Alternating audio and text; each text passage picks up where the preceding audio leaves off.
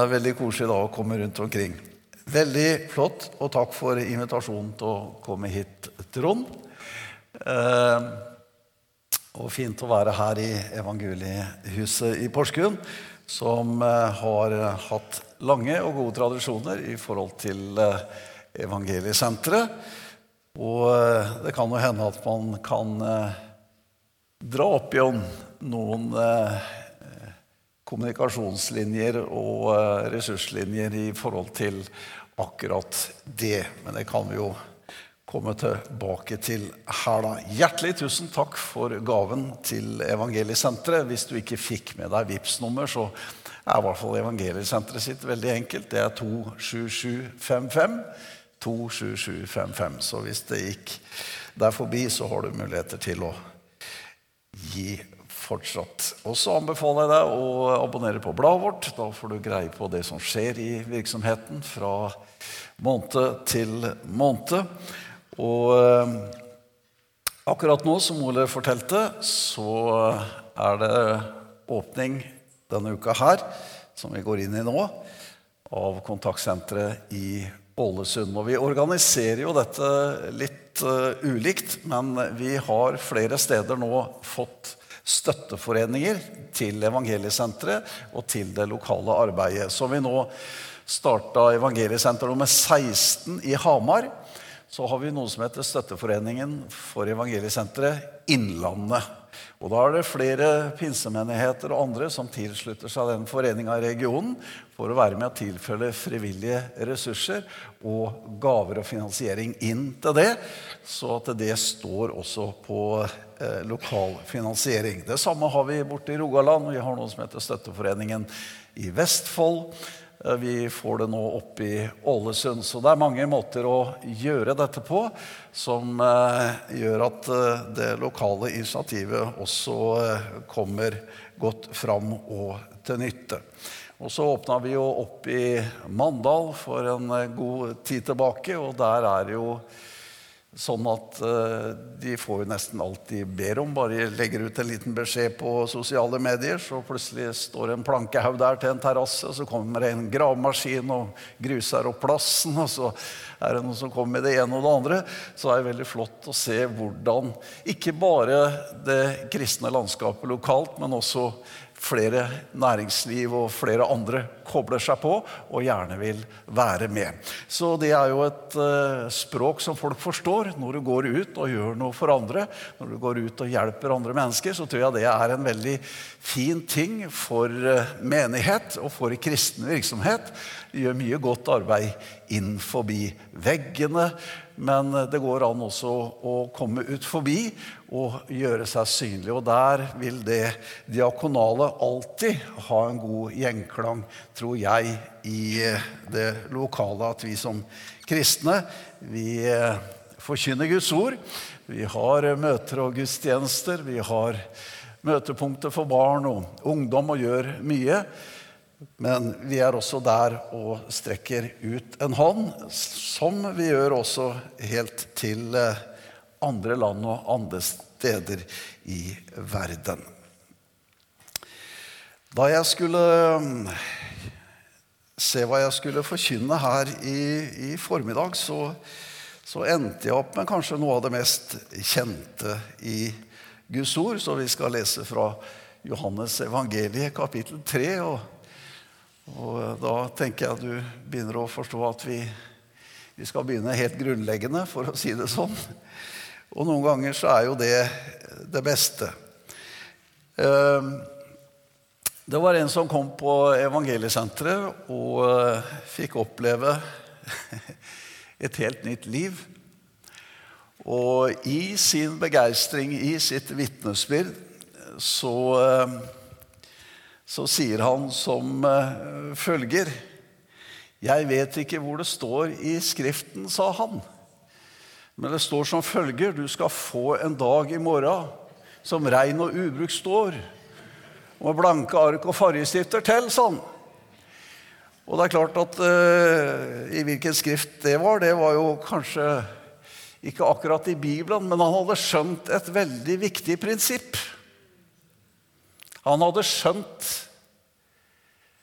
overgangen. Han hadde ikke bare skjønt det og forstått det, han hadde opplevd det. At faktisk han hadde fått en helt ny dag.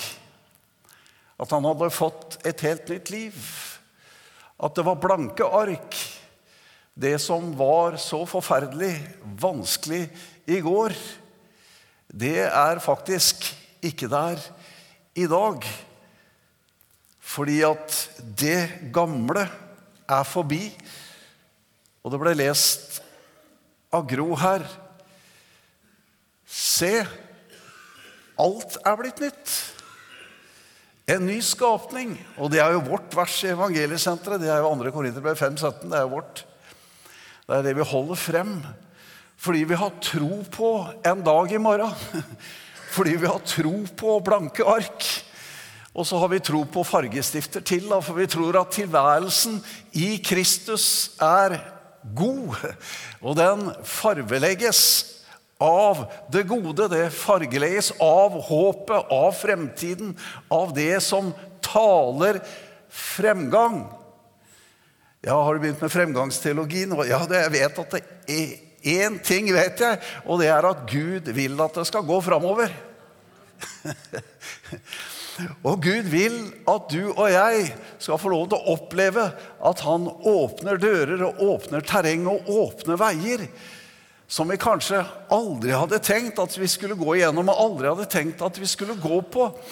Men du skjønner at når Gud begynner et verk i et menneskes liv, ja, da har han ifra dagens morgen allerede planlagt hva han har tenkt å bruke ditt og mitt liv til. Og så spør vi Herren hva har du tenkt å bruke meg til? Ja, det er et svar som Herren kommer til å gi deg, for han har en plan for ditt liv. Så det du må gjøre, det er å sette din lit til Herren, og så setter du det ene beinet foran det andre, og så begynner du å gå, og så får du oppleve at at Herren han har faktisk gjort gjerninger og handlinger og ting ferdig for deg for at du skal gå rett inn i det. Det er fullstendig fullkomment, det som Gud gjør. Både det han gjør i deg, og det han gjør for deg, og det han legger foran deg. Halleluja. Kan vi si amen til det? Ja, da var vi enige. Det er flott, det. Og så var det det jeg skulle lese, da. Det er Johannes kapittel 3. Og det står sånn Vi kan begynne med vers 14, da.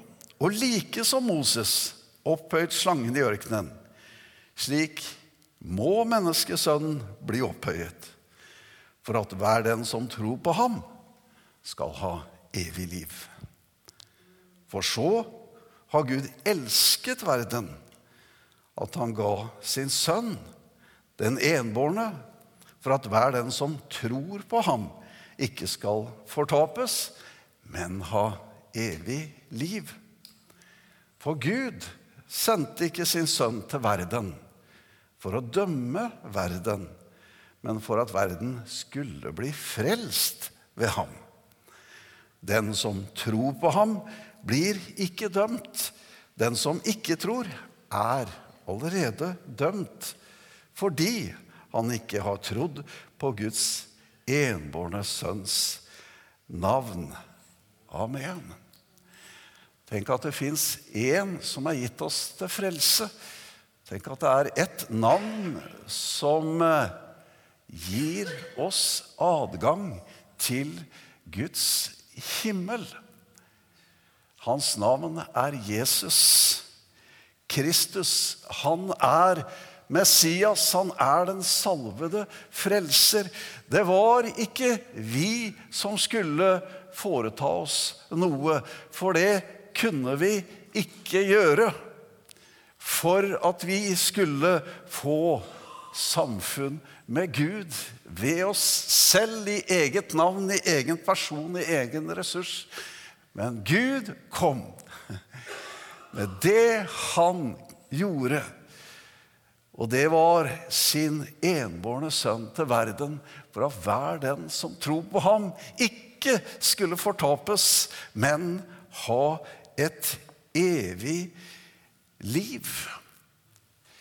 Gud har på den måte uttrykt sin kjærlighet til hvert eneste menneske gjennom Jesus Kristus.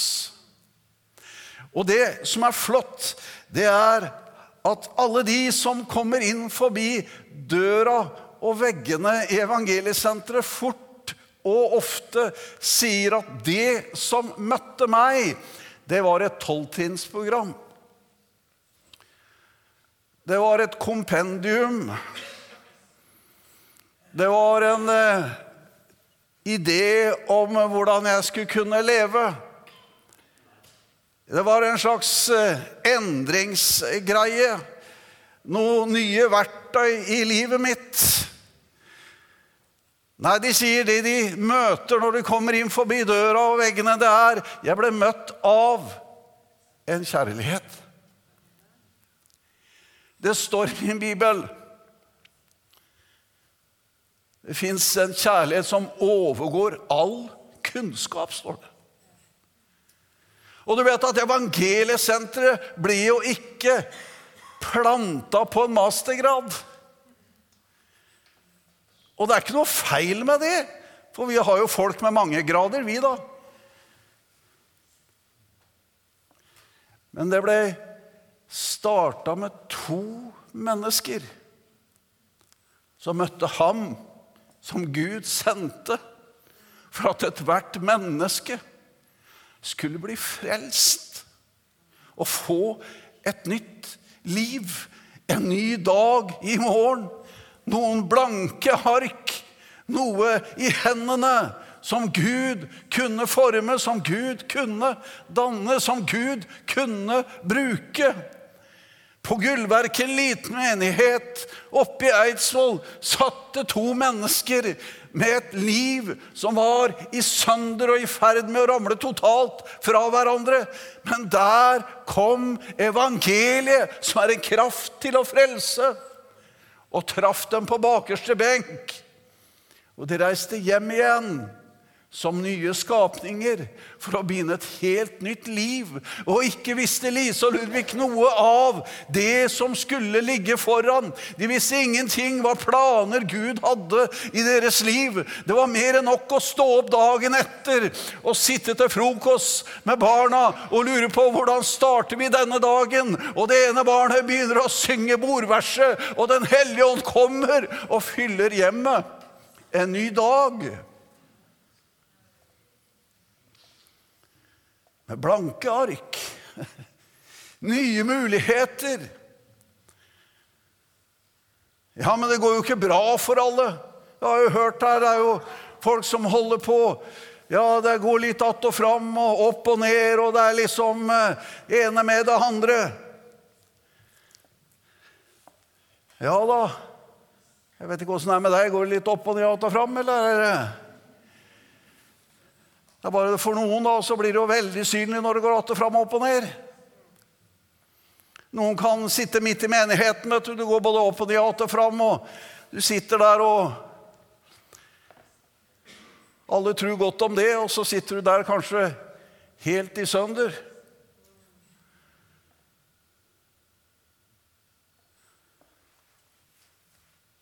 Han sendte sin kjærlighet Tro handler ikke om en øvelse. Tro handler om en relasjon. Jeg hadde en far jeg som satt i benkeraden. Jeg kom jo fra Notodden og oppvokste i Metodistkirken. Og så tok jeg samme ruta som bare at jeg ble pinsevenn.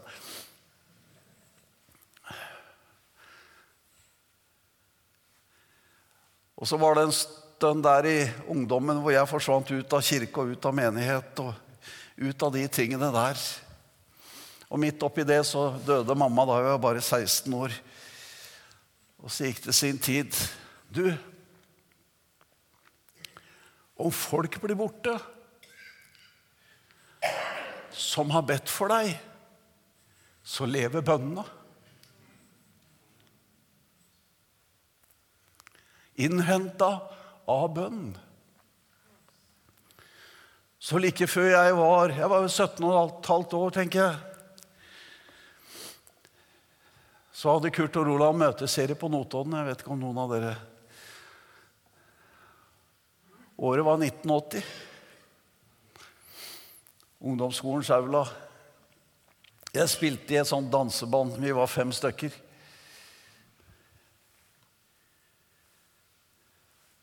Og så hadde han ene som jeg spilte med i bandet Vi hadde fått kontakt med noen eh, kristne som drev et lydstudio på Notodden. og så Plutselig så ble han invitert med på møtet, han, og så gikk han på møtet der. Han hadde ingen kristen bakgrunn, og han skjønte ikke hva han gikk til i det hele tatt. Og så gikk han på ett møte. To møter. Så hørte jeg dette her. Tre møter. Det var veldig hva han går på møter av, tenkte jeg. Og så var det en søndag. Vi var på øvelseslokalet nede på sentrumsskolen. Og så kjente jeg liksom Nå er det et eller annet på gang. altså. Det er rart, det der. Jeg var borte, liksom hadde Jeg hadde ikke altså, troen på Jesus og sånn. Jeg, jeg var i lag meg på, på, kvelden og tenkte at uh, Kjære, kommer du nå? Åssen går det her? altså, det er jo litt sånn, da. Og så uh, kjente jeg det var noe på gang, og så kommer han bort til meg. Han hadde jo tre andre han kunne ha spurt, men han kom kun bort til meg. Så står han foran meg og sier han, 'Trond, vil du være med meg på møte i kveld?' Det var ikke noen pastor som sa det, det var ikke noen pinsevenn som sa det heller. Det var en som ikke var frelst sjøl. Han hadde gått på to-tre møter og tenkte det var et godt forslag. Skal du bli med meg på møte i kveld? Og Da var det ikke bare hans stemme jeg hørte, da var det jo Guds stemme jeg begynte å høre òg. Så kjente jeg plutselig et stort alvor over livet. Du står på et valg akkurat nå. Og Det var liksom noe av det jeg kanskje kjente òg, og var på vei at valget kom. Himmelen er på søken. Forbønnen og bønnene, de er på vei til å bli besvart. Så sa jeg ja, se, jeg kan bli med på møtet. For jeg hørte en stemme Det kan jo være en siste anledning, da. Det kan jo være en siste anledning. Så jeg sa ja, jeg blir med på møtet. Og hele den dagen så gikk jeg og hadde en veldig kamp. Og Så møtte jeg kameratene forbi møtelokalet, og så gikk vi inn. Og der var det jo folk jeg hadde kjent fra tidligere år og i menighetssammenhenger. Alt. Satte meg ned i benken der sammen med han, og det var masse, var helt fullpakka. Alle stolene og setene var fulle, og vi blei sittende midt i en lang rekke. Og så eh, er det sånn som en sa her, at jeg husker ikke hva han predikanten sa. Jeg husker nesten ikke hva de sang heller. Men jeg bare kjente at jeg hadde på en måte kommet rett. Kommet på plass, kommet hjem, på en måte. Så det eneste jeg satt der og tenkte på, er ikke muligheter å få gitt seg over her snart. Da er det snakk om moden frukt. Jeg visste når jeg sa ja til å bli med på det møtet ja. Det var grunnen til at jeg holdt meg litt unna, fordi jeg visste at det, det var så sterke krefter i dette her. Evangeliet er en kraft. Forbønn er en kraft. Gud er en kraft i denne verden. Den hellige ånd, den overbeviser mennesker. Så når jeg kom på møtet, så var jo jeg ferdig før jeg satte meg ned. Jeg trengte ingen overbevisende prekener. Jeg trengte ingen overbevisende sanger. Jeg trenger ingenting liksom noe mer enn at jeg hadde noe her inne fra før av som dro meg. Så når eh, sangen og alt liksom gikk over i det som vi kaller for ettermøte og forbønn, da, Og Vanligvis så sliter vi jo nordmenn med å gi oss til kjenne på noen som helst måte. Vi skal jo helst bare sitte rolig og være der vi er. Men da anledningen bøy seg, så reiste jeg meg opp. Jeg brydde meg ikke om hvor mange jeg måtte passere i benkerallen på veien, og hvor synlig det måtte være at jeg gikk fram. Jeg måtte bare fram. Jeg måtte bare hjem. Og når jeg går der, så kaster jeg et over skuldra mi. Så kommer han som har invitert meg på møte. Han går etter meg. Så sa de det er et rom bak der, så kan du gå. Og da får jeg si som det står i Skriften, om jeg var i himmelen og på jorden, det veit jeg ikke. Men det var iallfall herlig, det som skjedde. For så har Gud elsket verden.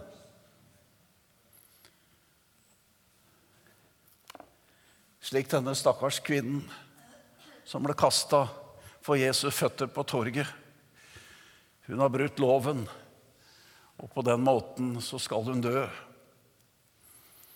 Hvor Jesus bøyer seg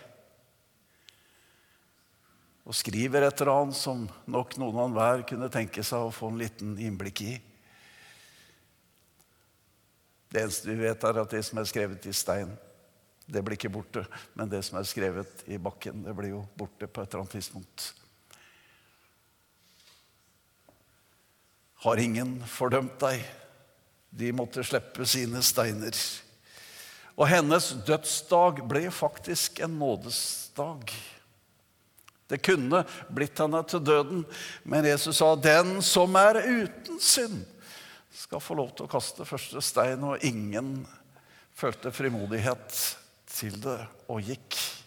Men han som kunne ha gjort det, han var jo ikke kommet til verden for å dømme henne, men for at hun skulle få frelse. Så sier han heller ikke 'jeg fordømmer deg'. Men så sier han noe annet også. Gå bort. Synd ikke mer. Lev ikke det livet. Lev et annet liv. Som han traff denne samaritanske kvinnen ved brønnen når disiplene var av gårde for å gjøre et ærend, og han blir sittende der med henne og be henne om å få noe vann, og hun stusser over at han som jøde i det hele tatt kunne snakke med henne, for det var ikke noe samfunn dem imellom, jøder og samaritanere. Og hun lurer på hva, hva er dette for en mann? Og så avslører han livet hennes, og hun skjønner at han er en profet. Ja, han er, han er mer enn en profet. Og til slutt, når hun er avslørt, men allikevel opplever seg tvers igjennom elsket Hun føler ingen fordømmelse ved den avsløringen, men hun føler å ha blitt sett med nådefulle øyne. Så går hun inn og forteller jeg har møtt en. Han har sagt meg alt. Skal vi ikke være Messias? Jo, han er Messias. Så kommer hele byen ut, og til slutt så får de se og høre Jesus alle sammen. Nå tror vi ikke bare på grunn av det hun fortalte. Nå har vi hørt det og sett det. Og Sakkeus, som var liten og satt oppe i treet, og Jesus kommer bort til ham og ber ham om å komme ned. Han som ikke ville ha oppmerksomhet, men som fikk Jesu oppmerksomhet. Han som satt der og undret seg over denne Jesus som gjorde så mye godt. Denne salvede. Kom ned, i dag skal jeg ha samfunn med deg, jeg skal ha fellesskap med deg. Og de stusset, disse høye religiøse lederne, og lurte på hva i all verden er det Jesus finner på her nå? Å ta inn hos en syndig mann. Ja, da vil jeg si som en som også stilte seg fram i evangeliesenteret og sa som følger Jesus flytta inn der ingen skulle tro at noen kunne bo. Det er liksom noe med hva Jesus kan ta inn i hus, altså. At det er liksom At han er synderes venn. De som var selvrettferdige og religiøse i sin ferd, og de som så ned på andre og graderte mennesker og stigmatiserte mennesker, de fikk Jesus sine skarpe ord. Mens de som kjente i sitt indre at her mangler jeg så mye at jeg har egentlig ingenting å bringe til bords, jeg har ingenting å, å komme her, de fikk nåde. Akkurat som han som sto bakerst i lokalet, mens den andre sto helt frem og la frem sitt liv for Gud som et eksempel til etterfølgelse. Var alt han levde riktig, var alt han gjorde rett, var alt han presterte og ville liksom ha Guds applaus. Og så står det en helt bakerst. Han har ikke frimodigheten i samme grad. Han tenker at det er vel kanskje et og annet jeg kan bringe til bords. Men han følte at det var langt ifra tilstrekkelig, så det eneste han kan si der bak, er 'Vær meg, arme synder, nådig'. Og så sier Bibelen, 'Hvem er det som gikk rettferdig ut av det lokalet?' Var det han som sto fremst og forklarte Gud alle sine prestasjoner, eller var det han som følte at her har jeg ingenting egentlig å komme med, jeg må bare av nåde motta i så fall? Og vet du, det er evangeliet. Det er at du av nåde kan motta ved tro. Guds rettferdighet i Kristus Jesus. Og jeg lurte på om jeg hadde tilstrekkelig å si i formiddag. Og det ser det ut som jeg har. Så la meg avslutte. I 1. Korinterbrev kapittel 13 Ja, nei, vi skal ikke ha vielse her i formiddag. Det er ofte et kapittel vi går inn i. Og kapittel 13 står jo mellom 12 og 14. Det er ganske numerisk riktig. Og kapittel 12, hva handler det om? Jo, det handler om nådegavene. Kapittel 14, hva handler det om? Jo, det handler om bruken av nådegavene. Ja, hva gjør dette kapittel 13 her, da? Jo, for du skjønner at uh, før du bruker noen ting som helst, så må du være innom kapittel 13.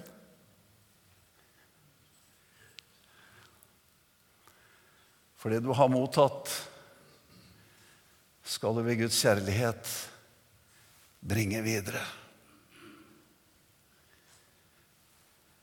Vi skal vokse opp til Ham som er hodet for menigheten.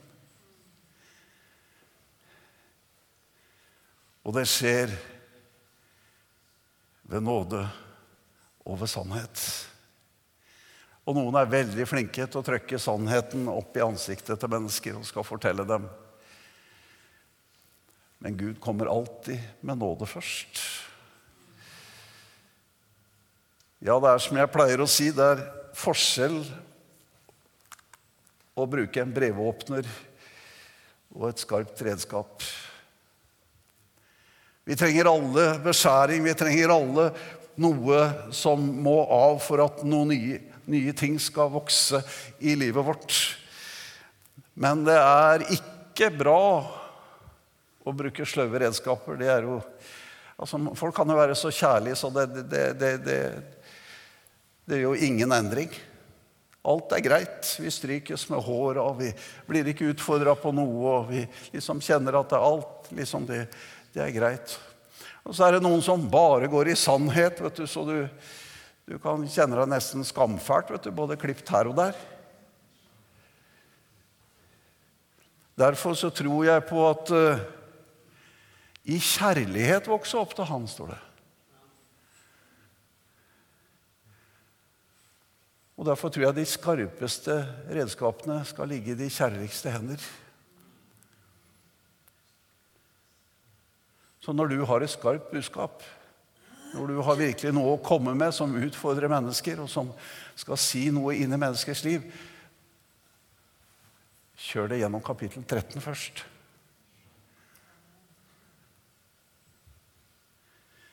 Og I slutten av kapittel 13 så står det slik i vers 13.: Men nå blir de stående disse tre tro, håp og kjærlighet, men størst blant dem er kjærligheten. Tro, håp, kjærlighet. Størst blant dem er kjærligheten, men sist nevnt. Er det ikke sånn at man alltid nevner i en rekkefølge av at det største kommer først. Men her er det faktisk sist. Og hvorfor er kjærligheten størst? Jo, det kan jeg fortelle deg fordi at Gud er kjærlighet. Og Gud er jo størst. Og hvis det ikke var for Guds kjærlighet, så hadde ikke du og jeg noe å håpe på. For da var det ute med oss. Da var vi syndere uten håp og uten Gud i denne verden. Men fordi at Gud er kjærlighet, så har han sendt han sin enbårne sønn. For at vi ikke skal fortapes, men for vi skal leve i fellesskap og ha evig liv. Og du skjønner, når du da har fått et håp, og det håpet heter Jesus Kristus Når du skjønner at Jesus Kristus er verdens håp og verdens frelser ja, da kan du benytte din tro. Halleluja. For Gud har gitt deg oss i kjærlighet, og du har fått et håp i Jesus Kristus. Og det kan du tro på, og det er et håp som ikke svikter, sier Bibelen. Og før jeg kom hit i dag, så Jeg leser jo noen kristne aviser ja, jeg gjør jo det og ser litt igjennom, og jeg liksom stusser på Og det er greit å snakke sant om liv og alt det. Og jeg ser liksom mennesker som mister tro. Har fortellinger om hvordan man på en måte Og heldigvis så snakker de også om hvordan de kom tilbake igjen, da, heldigvis.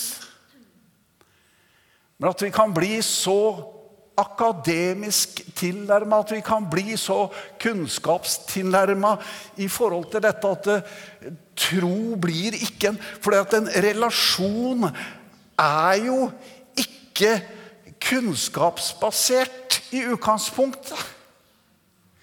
Men fordi at jeg har relasjon, så får jeg kunnskap. Altså, jeg elsker Anita, kona mi. Og vi har vært gift i jeg vet ikke hvor mange år. Det begynner å bli masse år etter hvert. Skal vi se 1988 Ja, da er det jo 34 år, da. er ikke det? Det begynner å bli 35. Vi har kjent hverandre. Og det er klart at Jo mer relasjon jeg har med henne, jo mer kunnskap får jeg. Ja, Ikke bare om henne, jeg får det om meg sjøl òg. Jeg vet ikke åssen det er med deg. Jeg tenkte at Du tenkte du skulle bli kjent med den du skal gifte deg med, liksom? Aha, du kommer til å bli kjent med deg sjøl òg. Og sånn er det når du får bli kjent med Jesus. Så tenker du ja, skal jeg bli kjent med Jesus? Jeg skal si du blir kjent med deg sjøl, jeg. Ja, ja, ja, du blir kjent med deg sjøl. Det er flott. Det er en relasjon. Guds utstrakte hånd. Ja, nå har jeg 12.30 så jeg på nettsida. Da prøver jeg å forholde meg til det. Så har Gud elsket deg og deg og deg og meg. Og alle de som ennå ikke er kommet. Og de som ennå ikke har sett. Kanskje ennå ikke har hørt. Kanskje menigheten på ny skulle koble seg på det som er i forbindelse med evangeliesenteret enda mer. Kanskje det skulle vært noen hender og føtter. Kanskje det skulle vært noen ressurser. Jeg lar det henge litt i lufta. Jesus, vi takker deg i formiddag fordi at du er her. Og du er midt iblant oss. Takk for dette hellige åndens verk som i oss bor. Takk for det som kaller og drar på mennesker som ennå ikke er kommet. Takk for de som er gjenstand for forbønn. Takk for de som får hilsener.